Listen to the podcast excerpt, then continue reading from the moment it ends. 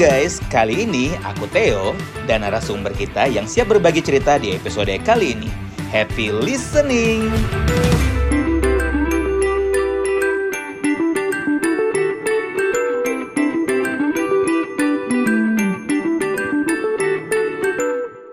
Halo pendengar panas dingin hati. Aduh, sepi banget nih. Biasanya kan aku ada berdua lah sama Gavin. Tapi kali ini Gavin tuh lagi ini nih, lagi sibuk liburan.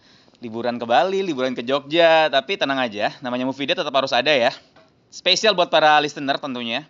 Dan pastinya barang CGV Balikpapan. Nah, kepoin Instagramnya bisa langsung di @cinema.balikpapan. Nah, karena kayaknya kalau sendirian ini kan garing, jadi tanpa basa-basi, nggak perlu lama-lama. Biasa kalau sama Gavin tuh bridgingnya agak basa-basi lama karena ada teman ngobrol nih. Kalau aku sendiri kan, aduh, nggak seru ya. Jadi aku langsung invite aja. Ada cewek yang cantik pastinya karena dia satu-satunya perempuan di sini. Eh ada dua dia asistennya nunggu. Dan em, dia seorang yang demen banget nonton, suka banget nonton, mau di Netflix, mau di bioskop, mau di mana pun suka nonton ya.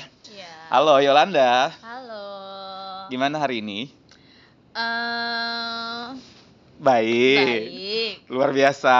Luar biasa. Excited ya. Iya. Tadi kan kita baru selesai nonton ya bareng CGV ya. Benar. Nonton film yang bisa dibilang ini film tuh booming gara-gara em, produsernya itu dari series yang booming juga, yang kamu ikutin juga kalau nggak salah ya. Iya benar. Series apa sih? Layangan put. Layangan putus. Bener, tapi maksudnya semua orang tuh sekitar bulan lalu apa dua minggu lalu itu benar-benar ngobrolin soal layangan putus. Heboh banget. Heboh banget ya. Bulan lalu ya, bulan lalu nggak sih? Bulan lalu. Dua bulan lalu ya. Iya. Pokoknya seheboh itu cuma karena aku emang nggak terus pencinta series ya, apalagi series Ah. Indonesia, aku nggak nonton. Bisa ceritain sedikit dong, em Layangan Putus tentang apa sih intinya tuh ceritanya tuh filmnya, eh seriesnya? Eh, kalau menurut aku ya, Ah. layangan putus itu ceritanya tentang kayak mereka itu eh, udah Suami di dalam, istri. ya, suatu rumah tangga, Iya. suami istri yang suaminya udah sukses, terus akhirnya end up ya udah ha- dihancurin sama masalah wanita kayak gitu. Perselingkuhan ya, lah ha-ha. lebih tepatnya. Akhirnya endingnya itu si istri itu Minta divorce. cerai ya? Yes. Itu si siapa sih? Kinan ya? Yes. Kinan- Jadi Kinan minta divorce. Kin itu apa sih? Kinan, Ari sama Kinan, Lydia. Ari Eh. sama iya Lydia. Lydia Lydia. Iya. Itu benar-benar sampai booming banget itu tuh ada yang kayak Kapadokia, It's My Iya. Dream. Itu benar-benar kayak sudah jadi setiap kali buka TikTok dua bulan lalu pasti ada aja parodi-parodi itu ya. Iya, dan lucunya mamaku juga ngikutin. Ah, serius? Mamamu Ah, juga ngikutin? Mamaku tuh kan sukanya nonton series Korea ya. Korea Jadi ya. perdana mamaku nonton series itu layangan putus Dan itu. enjoy, seneng. Iya, enjoy sih dia. Tapi emang kayaknya hampir semua umur ya, maksudnya bukan Iya. semua umur juga bayi nggak nonton sih. Cuma saja kayak yang SMA, kuliah, Iya, orang tua pun memang sampai se se saking boomingnya, saking boomingnya jadi kayak pengen. Semua Mm. ini semua orang. Nah, aku tuh punya sedikit fakta tentang Layangan Putus sebelum kita bahas soal film Garis Waktu yang tadi kita udah Ya. tonton. Film Layangan Putus itu ternyata lebih ditonton lebih dari 15 juta kali dalam satu hari penayangan dan menduduki posisi top trending selama beberapa minggu. Serial ini juga sukses menjadi tayangan yang masuk jajaran trending di 25 negara. Wow. Usai penayangannya episode usai penayangan episode terakhir itu Layangan Putus menjadi salah satu serial di salah satu platform yang masuk 10 besar di, di 25 negara. Oke. Se-booming itu ya. Se-booming itu Iya. emang. Makanya pas muncul si film yang tadi kita tonton, film apa tuh? Garis waktu. Garis Waktu itu yang di yang di apa namanya? Yang benar-benar dijual itu adalah em, produ from the producer of Layangan Putus. Yes. Makanya kita tadi singgung-singgung sedikit soal Layangan Putus. Heeh. Tapi sebelum kita masuk ke filmnya, kayak kita dengerin trailernya dulu kali ya. boleh. Oke, kita dengerin trailernya dulu yuk. Ketika kau bahagia dengan senyum yang merekah, aku akan mendampingimu sewaktu kau merasa kalah dan tidak berguna. Aku juga akan mendampingimu saat kau merasa menang, sehingga kesombonganmu yang makin parah. Itu dia suara-suara trailer dari film Garis Waktu ya. Heeh. Kalau kamu lihat trailernya, apa yang kamu nangkap? Ini anggap aja kamu, kita posisikan diri kalau Yolanda itu belum nonton. Hmm. Yol Yolna belum nonton kalau pas tadi kan kita sudah nonton bareng tuh trailernya. Yes. Yang kamu nangkap tuh filmnya tentang apa? Eh, ya sama sih kurang lebih kayak pengkhianatan, perselingkuhan, kayak gitu sih kalau yang aku lihat dari trailernya ya.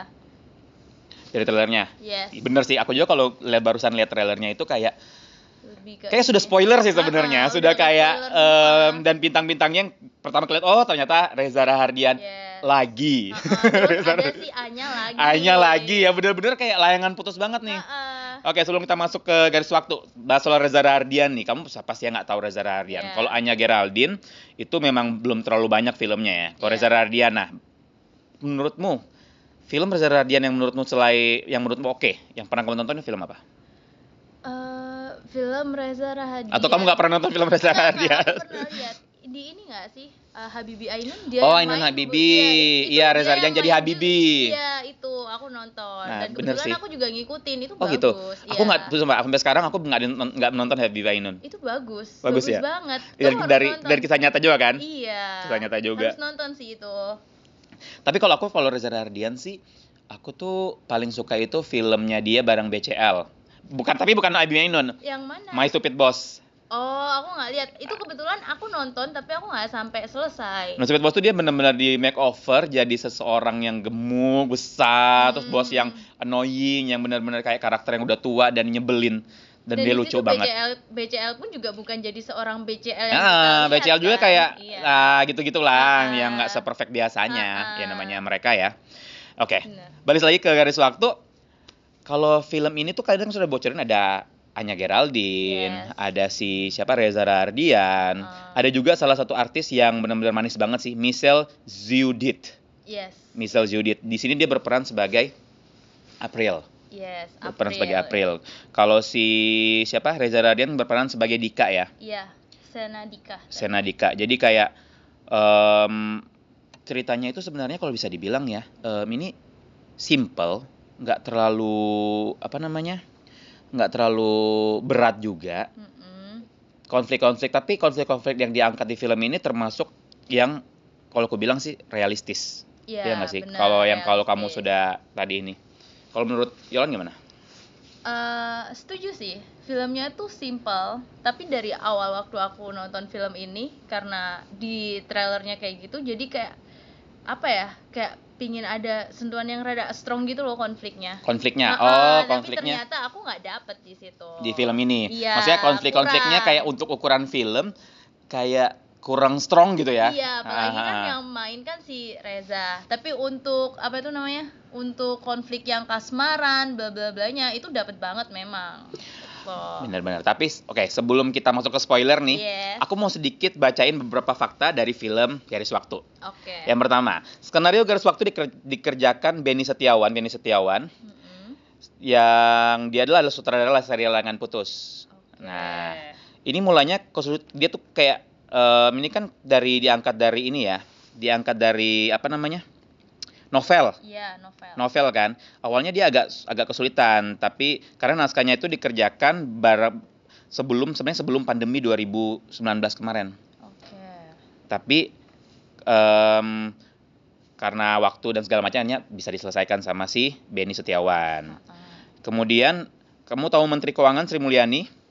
Dia itu turut hadir saat pemutaran perdana film Garis Waktu di Sesuan Plaza Senayan di, di Plaza Senayan Oh, pada wow. tanggal 22 22 Februari kemarin. Kemudian Manut Punjabi sebagai produser series Layangan Putus juga terlibat di balik layar film garangan film Garis Waktu. Oke. Nah, dari, kemudian ada dan yang fakta serunya lagi, ada beberapa soundtrack yang ditulis oleh Fiersa Besari. Firza. Firsa Besari. Firza ya? Firsa Besari. Oke. Tadi tadi kan kita juga udah nonton film tuh ada beberapa kayak Garis Waktu, kemudian ada Melawan Hati, Reza Rardian sama Michelle, Iya. kemudian ada juga Diam dan Terdiam, kemudian ya itulah yang paling yang ada beberapa lagu yang kita dengar tadi kan Mm-mm. di di film tersebut. Oke, sekarang kita kayaknya langsung masuk ke spoiler aja kali ya. Benar. Kita bahas dari awal sampai akhir. Gimana film ini, gimana pendapat kita, adegan favorit, karakter favorit. Ah, ah. Ayo kita spoiler yuk. Yuk. Jadi gimana awal ya? Eh,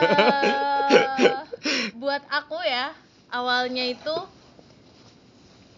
Awal dulu nih, awal dulu nih. Awalnya dulu ya. Ya kan awalnya kan oke, aku kita reminder dikit ya. Awalnya Iya. kan dibuka dengan langsung banget si Dika tak sengaja bertemu dengan si April di pinggir jalan. Jadi ke, jadi si April tuh mobilnya mogok. Ha-ha. Secara kebetulan semesta mendukung tiba-tiba si Dika lewat Yes. membantu si April untuk mem- benerin benerin ban mobilnya. Ha-ha, itu. Sampai akhirnya mereka kenalan. Kenalan. Nah, untuk di awal itu menurut Yolan tuh kayak mana kayak itu langsung banget loh kalau aku bener-bener Iya. langsung banget ah, opening scene-nya bener-bener langsung ketemu. bener-bener si apa tuh si Dika nggak basa-basi Nggak sih. basa-basi. Emang kayak udah dari awal itu flirtingnya udah dapet banget juga. Ah, ah, Terus jadi- aku juga feeling kayak oh iya ini pasti eh, si Dika sama si April gitu. Iya, langsung dapat ya. Maksudnya ah, langsung dapet. untuk posisi kamu belum nonton trailernya pun kita mesti tahu oh ini sudah pemeran utamanya Iya, nih, ya kan? ah, Udah tahu. Terus apalagi eh, diselingin waktu ada si Sanya. Sanya, si iya Sanya, kan? Sahabatnya Geraldine, si ya, sahabatnya. April. Jadi April kayak Eh, kayak mau anak jemput si Sanya. Iya, nyebut Sanya di Ah. airport Sanya itu kayak baru baru mau pindah ke Jogja, settingannya Iya, di Jogja bener, ya kan? ah, itu. Settingannya di Jogja. Jadi kayak aku udah nangkep, oh ya udah pasti ini nanti ujung-ujungnya si apa itu namanya si Dika aja ini bakal ada apa ya affair sama si Sanya ini. Iya, dari awal soalnya dari awal. awal awal ketemu awal awal scene awalnya kita sudah langsung dikenalin ini tiga pemeran utama nih. Yes. Tiga pemeran utama dari film Garis Waktu. Benar-benar cuma soal mereka bertiga. Yes, dan sisanya pun udah kelihatan tipikal cewek tipikal tipikal cewek iya gitu kan. tipikal cewek-cewek yang gampang suka sama cowok Yes, bahkan di gitu. adegan-adegan awal itu si si Fanya aja sudah flirting sama pe waiter Iya, waiters Langsung ada di situ. Mas kamu umur berapa kayak gitu Iya, kan maksudnya itu untuk gitu. cewek-cewek zaman sekarang memang ada yang seperti itu Ha-ha. tapi di situ memang kasih dikasih lihat bang seberani itu ternyata si si Anya Geraldine-nya si Yes, Fanya Benar. kemudian di situ Betul. juga dikasih lihat karakter di awal-awal langsung lihat karakter di mana Reza Radian yang kayak anak sastra banget ya Iya, benar. gombal-gombalan Terus, gitu ah, Terus anaknya ya yang sangat amat mencintai eh, sosok ibu banget. Iya, ya kan? karena dia Gitu. nggak punya sosok ibu, dia punya Yes. sosok ibu di panti asuh panti Panti asuhannya asuhan, dia lah, bisa sekolah gitu gitu loh, lah. sekolahannya Ha. dia. Nah, Gitu. sementara si April di, dijelasin karakter yang gimana ya? princess lah dia Princess ya, bener-bener orang kaya banget, orang kaya Yes. Jogja banget. Ha-ha. Terus kayak semua teratur, didik di planning depannya. dari kecil sudah diatur les ini les itu sampai kuliah pun diatur. Yes. harus kuliah di mana? Benar-benar kayak perfect apa ya? Dan, dan bukan Ya, perfect family juga sih kayak perfect family kayak eh, apa ya? Kayak orang-orang juga pasti pingin. Ah kalau melihat dari kehidupannya dia iya. juga pasti pingin jadi seorang seorang April, kecuali dengan pengaturan orang tuanya. Yes yang terlalu straight banget orang straight tuanya. banget. Kemudian akhirnya mas oh, akhirnya masuk di scene ternyata mereka tambah dekat si April dan si Dika. Kemudian ternyata si Dika dan yang bikin lucu adalah Dika dan Svanya ternyata mempunyai proses profesi yang hampir bersinambungan. Yes. Si Dika seorang musisi. musisi penyanyi pemain gitar Mm-mm. dan yang bekerja di kafe. Yes. Sementara si Vanya dia mantan produser memang. Sanya bapak eh kok Vanya lagi? Sanya Sanya. Mantan produser yang Ah, move ke Jogja ah, dulu tinggal di ini kan. Oh, dulu kerja sebagai TV producer. TV producer, akhirnya resign. Pindah, ah, pingin punya sendiri lah. Iya, jadi kayak semesta mendukung lagi nih. Iya. Si April memperkenalkan si Dika ke Sanya. Sanya. Ya udah langsung ditodong si April langsung bilang ya udah sisanya jadi produsermu aja Iya. gitu kan. Akhirnya mereka inilah sepakat untuk Kerja sama. kerjasama produser dan musisi sudah hal Hmm. biasa kalau di kota besar kan. Yes.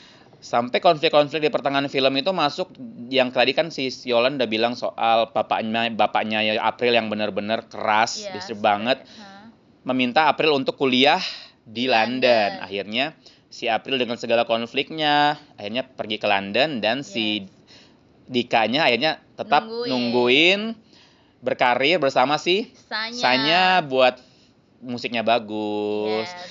Dan Nah. benar-benar kayak film ini benar-benar kayak dari A ke Z tuh benar-benar tat tat tat benar-benar langsung kayak dia jadi, jadi produser si Van jadi produser terus mereka nulis lagu akhirnya sukses Yes. terkenal Nah, dengan- di situlah akhirnya Ah. mikir negatif negatifnya Iya. waktu aku ngelihat ya aku Ah. mikirnya kayak ah udahlah ini Udahlah, pasti si sudah LDR. sama sisanya nih terus yang bikin kita tambah yakin bakal ada bakal ada sesuatu yang terjadi selain nonton trailernya ya iya ah. si Dika kan tinggal di apart- gedung apartemen yang, Yang sama. dan sebelahan Sebelahan. kamarnya mereka jadi kayak em, apa ya kita mikirnya juga ah, pasti bakal terjadi sesuatu Iya, gitu loh. Pasti bakal terjadi sesuatu dan lucunya adalah mereka LDR setahunan lebih LDR yes sampai akhirnya si April datang malah April datangnya di momen yang bener-bener nggak tepat. yes Jadi diceritakan di film tersebut April datang di saat si Dika dan si Vanya em, cipokan-cipokan manja, Iya, kis-kis manja, habis ma- mabora, Iya. sama-sama mabora dan tiba-tiba datang si April. yes itu Akhirnya April mengambil kesimpulan, wah selingkuh nih. yes Si Dika selingkuh sama si Vanya, si Sisanya. ya Allah Vanya mulu dari tadi. Iya. Sisanya akhirnya konflik terjadi, drama pun terjadi dan akhirnya mengorbankan hubungan, Iya, mengorbankan karir. karir si Dika, karir dan sis, Yes. karirnya sisanya sisanya si- juga sisanya juga. Heeh. Jadi kayak what? Gitu loh. yes Dan endingnya sih happy ya. endingnya kita nggak bocorin gimana endingnya, kita nggak mau Ah. bocorin gimana endingnya, mendingan para listener langsung ke CGV aja. Nonton CGV aja. kalau sebelah sepapan nonton aja. Cuma intinya film ini ringan sih. ringan seringan itu dan kalau kamu tipikal penyuka film-film mikir, kamu mungkin kayak ya Allah nih ini banget nih Iya, filmnya kayak gini doang gitu loh. Iya. Tapi kalau kamu memang tipikal yang kayak aku mau nonton cuma mau ngisi waktu, pengen ngilangin penat, aku pengen mengisi hari liburku aja atau aku memang cuma pengen nonton doang, ini pas nih. Iya, Iya benar. nggak sih? Tapi Ini- kalau ini sih kalau aku lihat sih ini lebih cocok ke film yang anak muda banget. hmm, Anak muda banget kayak anak SMA, SMP. Iya. Mereka nonton ini bakal bener-bener akhirnya relate juga. benar-benar benar. Apa ya? Bobot bobot filmnya tuh sama gitu loh, seringan itu. Jadi mereka tuh bakal relate, oh iya ya, nanti sahabatku bakal gini gini gini. Padahal sih nggak akan terjadi seperti itu, kayak gitu. Benar, Beda benar. sama uh, layangan putus ya. Kalau layangan putus itu filmnya emang udah berat banget. Terus lebih kayak ke apa ya? Film-film yang perselingkuhan yang bener-bener happen in rumah tangga gitu loh. Iya, benar-benar. rumah tangga. Kalau ini anak-anak muda. Anak muda ini bukan kalau layangan putus kan benar-benar keselingkuhan yang benar-benar wow banget ya. Iya. Sampai liburan bareng, sampai Yes. kamu beli-beliin apartemen alalalalala. Ah. Kalau ini benar-benar kayak anak muda banget iya, sih. film anak muda memang Walaupun- buat anak muda mungkin Iya. sengaja mungkin buat anak muda. Tapi jujur li untuk film anak muda aku merasa kayaknya Reza Radian kurang cocok memerankan Yes, film tersebut. benar. Karena Reza Radian sudah kayak mas-mas. lebih ke ini gak sih? Kalau aku sih mikirnya lebih ke Iqbal gak sih harusnya? iya, harus ini Iya benar-benar ini harusnya menurutku tuh memang film jadinya film remaja gitu iya, loh. film remaja. Tapi Ha-ha. j- karena dengan jalan cerita yang simple kayak ya udah nonton seru seru kok Iya. lumayan seru Ha-ha, loh seru, gitu. Seru, Maksudnya Gregetnya, Gregetnya dapat. Kita, kita pun tadi selama Hmm. nonton juga gregetan kan? benar mungkin ini simple karena ini kan sutradaranya adalah Jaihan Angga Pradana sutradaranya. Em, yang dulu itu sempat buat film judulnya Mekah I'm Coming. Jadi film komedi Indonesia yang diproduksi oleh Hanung Bramantyo. Jadi memang Hmm. si Jai- Jaihan Angga ini mungkin belum memang belum menggarap pernah menggarap film-film seperti ini ya. Oke. Jadi dia bikinnya nggak terlalu gimana-gimana ribet dan memang diangkat dari ini juga kan, Iya. dari novel juga kan.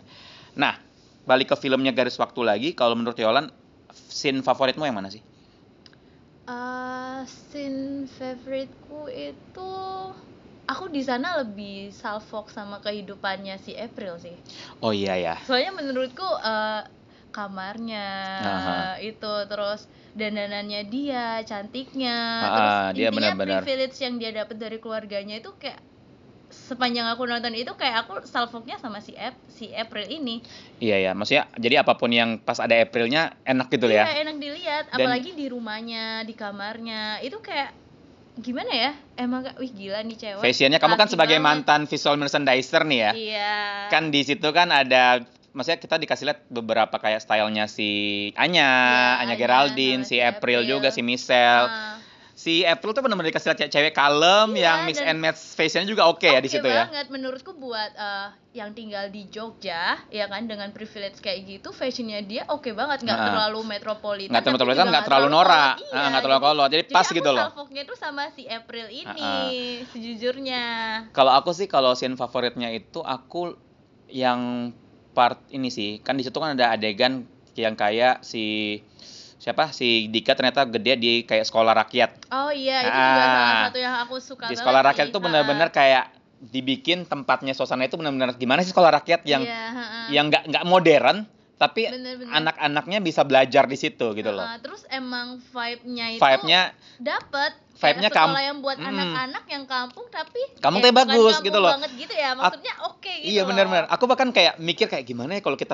kalau kita ambil kayak di Balikpapan ada seperti itu terus Iya, kita ngajar bener-bener. gitu Iya, kayak seru bener, gak sih? seru seru gak sih? kayak volunteer aja gitu loh. Jadi kayak dan dan scene-scene di sekolah rakyat itu lumayan banyak Iya, karena bener. kan backgroundnya si Reza Rardian si Dika memang dari sekolah rakyat itu juga kan iya benar nah itu kalau karakter favorit nih karakter favorit Hmm. of course lah tahu Reza enggak April. iya kalau aku sih suka Tetap sama ya? April ha, cuma ya nanti dulu deh sisanya nanti dulu. pokoknya gitu. favoritku sih April aku salfok terus sih sama si April kalau aku tuh Anya sih oh lebih senang lebih senang ya? si Anya Geraldine si Fanya aku juga senang sih sama dia cuma yang bikin nggak tahu ya karena mungkin aku ngeliat si kalau aku lihat apa ya movie itu aku juga lihat fashionnya Haha, iya, iya. bla bla bla Kalau Anya sih memang dia memang yang ditampilkan benar-benar seksi. seksi banget terus bulky banget Iya, dia kan. tuh agak gemukan kali ya. Iya, Bentar aku ada heeh. lagi WA-nya sini.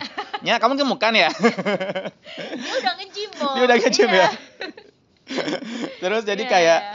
Dan tapi di Anya itu benar-benar dibikin kayak dia profesional sebenarnya. Iya sih, benar, dia sebagai produser dia profesional. Dia mengurus segala sesuatu dengan baik, mulai dari mini album, lagu, Konser. terus kayak mini eh, apa, apa pembuka festival, terus konser. Justru di sini tuh yang saya kalau bisa kalau ditanya nih, karakter yang kamu jengkel siapa? Aku Reza Rahardian. Iya. Kalau aku sama Ap- sama April Sama April. juga jengkel sih Jadi karena dia karena drama banget drama karena konfliknya sebenarnya konflikmu itu nggak terlalu gede. iya tapi, itu sedrama mempengaruhi itu. mempengaruhi Semua- karirmu, iya, kehidupan Iya, asmaramu, heeh. gitu-gitu loh. Reza sih paling annoying ya Reza annoying tapi karakternya dibikin kayak ya namanya Reza Ya, Rardian ya. Reza Rardian kan bisa semua karakter pun dia Mm-mm. jadi. Sedikit mungkin bukan annoying sih. Kalau kita karena kita juga sudah dengan di dunia, di dunia kerja kan, Iya sudah segede ini kita mungkin kayak unprofesional aja. iya benar Tapi kok mungkin kalau buat orang lain mungkin kayak ya Allah duh sweet banget deh si Reja Iya. gitu kan. Bisa kayak gitu. Makanya kan adegan kasmarannya Ah, Reza Reza sampai bela-belain keluar dari karirnya demi ceweknya Iya, gitu-gitu bener, kan. bener, Tapi kan namanya listener, namanya kita penonton, kita kan nggak tahu selera orang dalam film berbeda-beda. Kalau aku bilang ini filmnya lumayan untuk Mm-mm. dinikmatin juga seru, Seru. gitu. Tapi kan menurut orang lain bisa aja kayak wah ini worth it banget atau ada menurut orang lain juga ada yang kayak "Em, kayaknya kurang deh gitu kan. Iya. Balik lagi kan. Balik lagi. Nah, kalau dari semua film yang sudah kita eh dari semua film dari awal sampai akhir Mm-mm.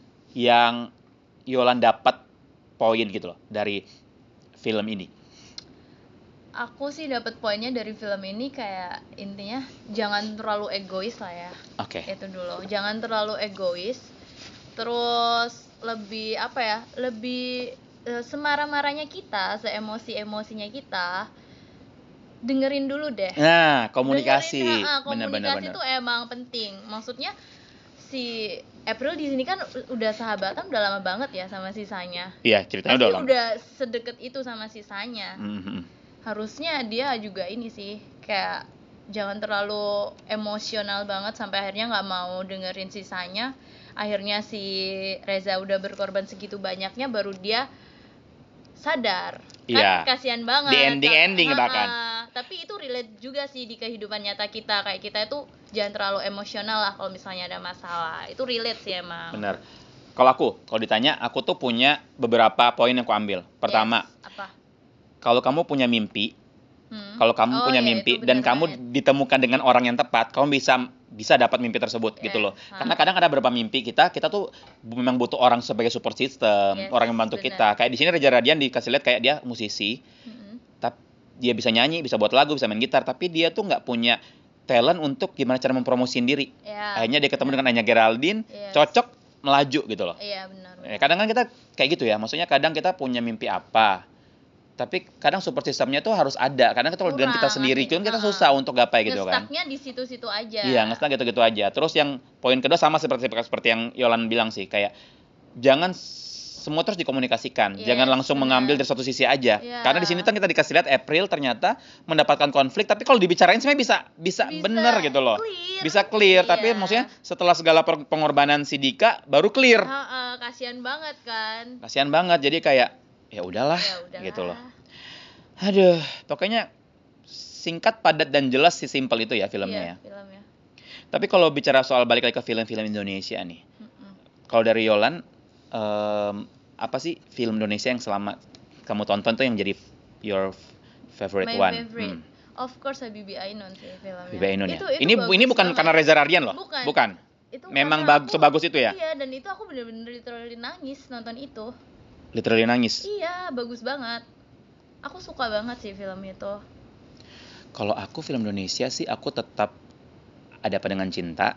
Oh, ada apa dengan cinta Nah, juga sih itu film itu- remaja banget. Iya, jadi kayak remaja Iya, zaman-zaman siapa sih yang ah. tahu? Bener-bener Iya, dan maksudnya kalau aku bilang itu kayak boom dari film Indonesia yang cinta-cintaan tuh menurutku ADC sih. Yes, ha-ha. Akhirnya mulai bangkit-bangkit lagi. Di-recreate lagi Di pun recreate juga lagi. oke.